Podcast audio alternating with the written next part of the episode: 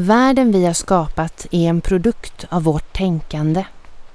Och den kan inte förändras utan att vi förändrar vårt tänkande. Det är en populär variant av ett Albert Einstein-citat från 1940-talet. Om du börjar din promenad vid Djurgårdsporten så borde du stå på Ståthållarängen nu.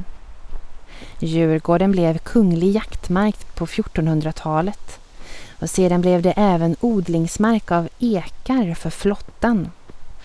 Numer en del av nationalstadsparken.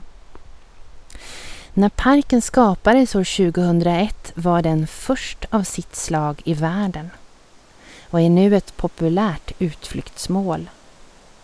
Det är samma plats, men ändå förändrad på grund av vårt tänkande. År 2030 kommer den vara sig ganska lik men kanske ändå lite förändrad. Till exempel kommer ingen ha kommit till ön i ett fordon drivet av fossila bränslen. Hur tror du ditt tänkande kommer att ha förändrats till 2030? Är du nyfiken på att se din egen förändring? Vi hoppas att du har kommit på en utgångspunkt för ett löfte till dig själv. Vi vill gärna veta vad du lovar dig själv och diskutera det med dig. Kanske ditt löfte kan inspirera andra. Kanske löftet kan skruvas till och bli bättre. Diskutera gärna ditt löfte på sociala medier och använd hashtag MyPromise2030.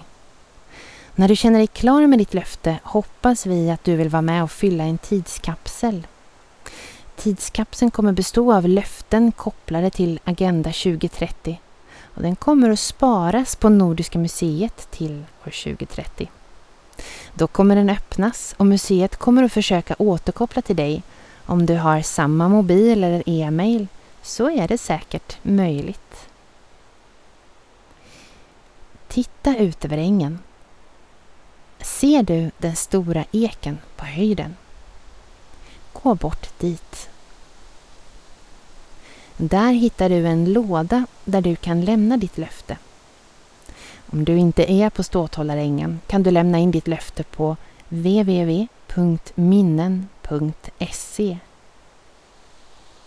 Redan innan 2030 kommer vi att försöka hitta mönster i vad för löften du och de andra har lämnat.